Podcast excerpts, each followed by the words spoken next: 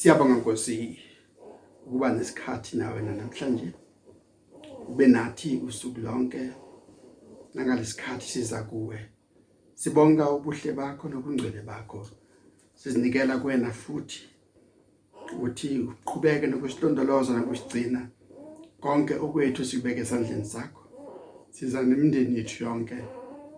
Siza nabancane bethu, abadala bethu. Sizwa nezwe lakithi lonke kuwena.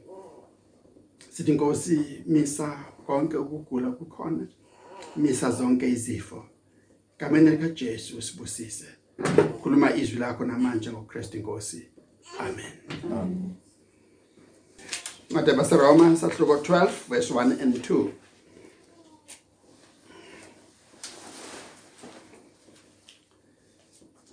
Romans 12 verse 1 and 2. Siyafunda ke. Kakungencenga abazalwane. Ngobubele bukaNkuluNkulu. Ukuba nikele imizimba yenu ibe ngumnikelo ophilileyo ongcwele othandeka kuNkulunkulu. Kube ngokukhonza kwenu kokuqonda. Ningalingisi lelizwe kodwa niguqulwe isimo ngokwenziwa ibentsha ingqondo yenu. Ukuze nibe nokuhlolisisa okuyintando kaNkuluNkulu okuhle nokuthandekayo nokupheleleyo. Amen. Nginibingelela ke nonke bazalwane ngamanye kaJesu Ngiyafisa kuba sishelane kafishane nje lamazwi lamavesi amabili esiqeda ukuwafunda. Njoba sazi sonke ukuthi incwadi yabaseRoma impostoli uyenze isamari yokufunda noma yokufundisa abakholwayo ngempilo yomKristu. Impilo yomKristu uyenze yayikhathekizimo wasamarayisa konke kuyona. Uthi amandla evangeli angakanani? Impilo yesono nesoni. Andi egcineni ukhuluma inkuthazo yebandla. Khuthaza kanjani ibandla? Ingakho simbona la kulesahluko nezehla kwisahlukene esilandelayo ekhuluma ngokuqoka uKristu. Egcineni uthi umbuso kaNkuluNkulu ukona ukudla nokuphuza. Kodwa ukujabula nokuthokoza kumoya ingcwele uma iqala evesini lokuqala esilifundile Romans 12 ukhuluma sakuncenga. Futhi yilokho akwenzayo ukuncenga abazalwane. Sengathi ubabonile abakholwayo ukukholwa kwabo sengathi bakuthatha kalula. Ukukholwa kwabo sathi bakwenza umdlalo noma ukukholwa kwabo kunezijwayelo phakathi ende sebeqhelile ukukhonza ngendlela abakhonza ngayo. Endiyakubuka sathi kunengozi yokuthi abazoqonda imfihlakalo yevangeli ingakho eza kubona manje ethi ngiyancenga kubele bikaNkuluNkulu andiyaqala ukusebenzisa igama lokuncenga la. Andi ngaphambili ubebeka njengokukhetha komuntu ukusidela komuntu ukuzimisela komuntu. Kodwa manje ufika lana ethi khona ngiyancenga ngomusa kaNkuluNkulu ngobele kaNkuluNkulu. Ngiyancenga ukuba ninikele imizimba yenu. Ngenzeka ukuthi umpostoli kusho lokhu ngoba ukhuluma phakathi kwabantu abamaRoma the Roman people not the Roman Catholic Church but the Roman people and nabantu abangamaGreek njengompostoli wabezizwe kodwa futhi nabantu abangamaJuda. Abantu abangamaGreek nabamaRoma badume ngenhlakanipho. Badume ngokusebenzisa injula ngqondo andi abangamaJuda bafuna izibonakaliso. Abanye bafuna ukuhlakanipha ukuthi kulento eyikhulumayo kuphi ukuhlakanipha? Intellectuality yakhona kuphi? Njengesihlakaniphi sivamise ukusebenzisa ingqondo kakhulu. Iwonke lo muntu lisale ngaphandle. Ingakho ethi cha cha cha ungasesha ngengqondo yakho ukuthi uNkulunkulu ufuna wena uphelele kuyena. Ufuna ulethe umzimba wakho ucomplete akafuna uNkulunkulu umkhonze ngephathi ethile yakho. Baninge kuphela ngaye kodwa ufuna iwonke lakho your completeness. Nikelani imizimba yenu ibe ngumnikelo ophilileyo. Imizimba yabo ayingabi izitho zokungcola andikushilo lokho kweyindawo ninganikeli imizimba yenu ibe izitho zokungalungi kodwa zinikeleni kuNkulunkulu ningabaphilayo. Andilokho agcizelelayo lana akulethani imizimba yenu ibe umnikelo. Kusho ukuthini lokhu? Letha umzimba ube umnikelo. Manje sengikhumbula iculo lamakholwa akithi elithi ngizinikela Nkosi ngomzimba nangomoya. Mangibe ngumnikelo kuwe ealtarini lakho. Ngila ngila ngila. Ngilindele umlilo. Lokho akushoyo uthi beka umzimba wakho kulo ialtari likaNkuluNkulu. Zinikele wena kuNkulunkulu. Ilokhu Jesu akhuluma ngakho. Uma ethi uma umuntu ethanda ukungilandela makazidele. Athathe isiphambano sakhe angilandele. And uPaul akubeka ngamazwi achachile ukuthi sinikele wena uqobo. Yiba kumhlatshele wona wena uqobo. Petro ukhulumile ngalokho encwadini yakhe uqala esahlukweni sesibili indima yesithupha. Kuya kwesiya kalombili uma ethi njengabapristi nikelani uqobo lwenu. Njengabapristi asizonikela ngempepho sizonikela ngezinto but uqobo lethu belisele ngaphandle. Sizonikela ngemali nangani uqobo lwethu belisele ngaphandle. Baningi abantu abaphusha imali phambili athi kuyawuletha nje umnikelo kodwa nebehlele ekhaya. Cha cha cha uqobo lwakho alube sealtare. Ubupriesti obubukhosi.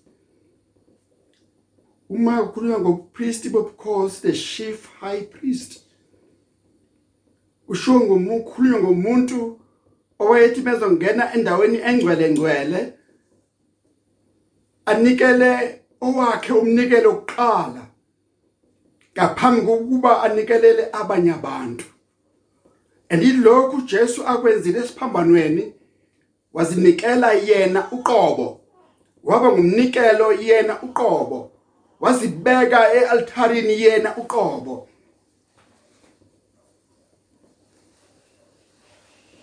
Usho njalo umpostoli uthi imizimba yena ayibe ngumnikelo umnikelo ophilileyo. Nikelo ophilileyo. Ncwadini kaLevitikus ukhulumile uNkulunkulu kaningi ngomnikelo ukuthi akazamukela into ezichugayo akazamukela into ezilimele akazamukela into ezigulayo ngoba khona babeletha izimvu ezichugayo nezigulayo ukuba kusale sekuqedelwa nje kunikelwa ngakho. Uthi cha ufuna umnikelo ophilileyo.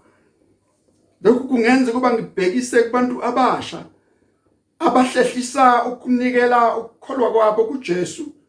Abathi ngiyakholwa sengimdala ngiyakholwa ngelinye ilanga ngiyophenduka uma sengikhulile ngisagcina ubusha bami ngisazisuthisa ngobusha bami. Cha uNkulunkulu ufuna wena manje. Ube ngumnikelo kuye manje. Ube ngumnikelo ophilayo umnikelo ongenasici. And ufuna umnikelo ongcwele. Umnikelo ongcwele. Hlukanisiwe nazo zonke izinto. Ahlukanisela uNkulunkulu. Hlukanisiwe ukho konke ongakucabanga kodwa umzimba wakho wawuhlukanisela inkosi ungowakho lo mzimba. Izokukhonza ngawo ulethe ungcwele mzimba ongcwele. Dumisa uNkulunkulu wakho ngumzimba wakho ongcwele. Athi mawubheka uNkulunkulu abone ukuzidela kwakho. Abone ukuzincama kwakho abone konke kwakho. Kaningi sithi asikwazi ukuba senkonzweni ngoba sibhizi sibhizi basho njalo abantu athi ngingazi isikhathi ngibhizi kodwa uNkulunkulu ufuna unikele even in the time of your business. Kuloko kuxakeka kwakho yiba nesikhathi sikaNkulunkulu. Yiba umnikelo ongcwele. Ungaqedi isizungu nje. Ungabe ukudlula nje. Ungagcina icala nje. Kodwa umnikelo ongcwele uhlukaniselwe uNkulunkulu. Akagcini lapho umpostoli uthi makuba umnikelo othandekayo kuNkulunkulu. Sengishilo ngathi uNkulunkulu wayeshilo eTestamenteni elidala ukuthi akunganikelwa ngento esigulayo nezixugayo nganikelwa ke izinto ezingabukeki nezingathandeki. Kugcina icala njena kodwa ufuna umnikelo othandekayo. Usazithanda kanjalo usabukeka kanjalo usemuhle kanjalo. Yiza kuJesu ukuthi ngise altarini lakho Nkosi ngilindele umlilo. Ngilana phambi kwakho. Ngilana kuwena Nkosi ukukhonza. Ngiza ealtarini ngiza esiphambanweni ngiza emanxebeni ngiza enkosini uJesu. Ngizokukhonza ngomzimba wami ngizokukhonza ngewonke lami. Ngizokuza kuwe ngibe umnikelo ophilileyo opheleleyo nophilileyo. Ngiza kuwe ngibe umnikelo ongcwele. Umnikelo othandeka kuNkulunkulu. uNkulunkulu abonge ngawe. Bonge ngempilo yakho. Abonge ngokumkhonza kwakho. Athokoze uNkulunkulu ngawe. Ube iphunga elimnandi kusimakade lokhu akushoyo uma esephetha ivesi lokuqala ukuthi kube ngokukhonza kwenu ngokuqonda balulekile lokhu bathandekayo ukuthi simkhonza uNkulunkulu sikuma senses simkhonza uNkulunkulu siqonda ukuthi senzani. Simkhonza uNkulunkulu sisengqondweni. Simkhonza uNkulunkulu with all our mind. Lokho uJesu akushilo. Wathi khonza uJehova uNkulunkulu wakho ngayo yonke umphefumulo wakho ngayo yonke ingqondo yakho ngawo onke amandla akho. Iwonke lakho ilona uJehova alifunayo. Kube ngokukhonza kwenu ngokuqonda. Letha umzimba wakho letha umphefumulo wakho letha inhliziyo yakho letha ukuhlakanipha kwakho. Jesu uyakudinga konke lokhu. Ibandleni lika Jesu lidinga wena uhlakaniphile unomqondo. Dinga wena uphelele ubukhona bakho. Dinga wena nama gift onke kamoya ingcwele nako konke kuba kwakhiwe umzimba oyibandla lika Kristu ningalingisi lelizwe ningalingisi lelizwe lelizwe linjani? Lelizwe limdelile uKristu. Lelizwe alizinikelanga kuyena. Lelizwe alimkhonzanga. Lelizwe lizithanda lona. Abantu abanjalo basicabangela okwabo. Ukuzwe abazalwane mabekhuluma bebhekana omunye bembheka bathi awenzani le mzalwane? Abesithi mina akeve eyizwe. Ufuna ukuthini? Ukuthi zonke izinto zasezweni njengobubi bazo nobuhle bazo nako konke kwazo ziyatholakala kuyena. Ningalingisi lelizwe lelizwe liyakhohlisa. Lelizwe linobumnandi ophelayo ubumnandi obunjengoshingam. Ubumnandi obuyibubble gum nabitheka manje lishintsha manje. Lelizwe lidla abantu abahlala kulona. Bebukeka izolo selimkhahlazile akasabonakali. Ningalingisi lelizwe Paul ngelilanga ukhuluma ngalokhu ngakwenye angle balincwadi. Uthi kuthithu shesha uze kimi. Udema ungishiyile ethanda lelizwe bangeke bazalwane abashiyile ubukhona bukaNkuluNkulu ababishile ukungcwele abakhohliwe ukumkhonza uThixo ngenxa yokuthanda izwe. Jesu uyalile ngelinye ilanga ezwini lakhe ningathandi izwe nezinto ezisezweni ngoba uthando lwezwe luyaphela nako konke kwalo. Kuthini bazalwane kanti? Kusho ukuthi soqoka amanikiniki ngoba singathandi izwe na? Cha akunjalo. Sizoswenka nje. Siqoke kahle futhi. Sibukeke futhi. Simkhonze futhi uNkulunkulu. Singabantu ababukekayo. Sizodrive nje imoto zethu ezinhle sihlale futhi emzini yethu emihle. Sigijime nangamabhayisikili ethu emahle kodwa futhi simkhonze uThixo. Sinikele isikhathi zethu isikhathi senkonzo asinako sicompromise ngoba sithi sinake okwezwe nako yezwe. Gcinanisile ukukholwa kwethu. Ungabi njalo ningalengisi lelizwe. Sokwenza kanjani? Kuba singalengisi izwe na fanele siguqulwe isimo sengqondo. Neke ishintshe indlela esicabanga ngayo mayishintshe ingqondo yethu. Uma kufanele kushintshe ingqondo ingqondo iyona ezoshintsha iwonke lethu. Izothinta umzimba nokucabanga nako konke kwethu. Sicabangise okukaKristu. Sizwile izwi kaNkuluNkulu likhuluma lithi mawube klini lo mqondo owukhona kuKristu Jesu owathi enguNkulunkulu enesimo sobuNkulunkulu wathi kuyona into yokuphangwa leyo. Lokho akufuna uNkulunkulu kithi asiguqulwe isimo sengqondo yenziwe ibentsha. uJesu usho njalo kuNicodemus isihlakaniphi wathi ungeke ungene embusweni wezulu. Ungeke ubone umbuso wezulu ungazalwa ngokusha. Simo senqondo sishintsha uma umuntu ezalwa ngokusha abe umntwana kaNkuluNkulu the born again christian. Umngazelwe ngokusha simo senqondo sisala sistale sala sisidala. Cabanga njengayizolo cabanga into ezingekho cabanga izinto ezingasindisi. Masiguqulwe isimo sengqondo ukuze nibe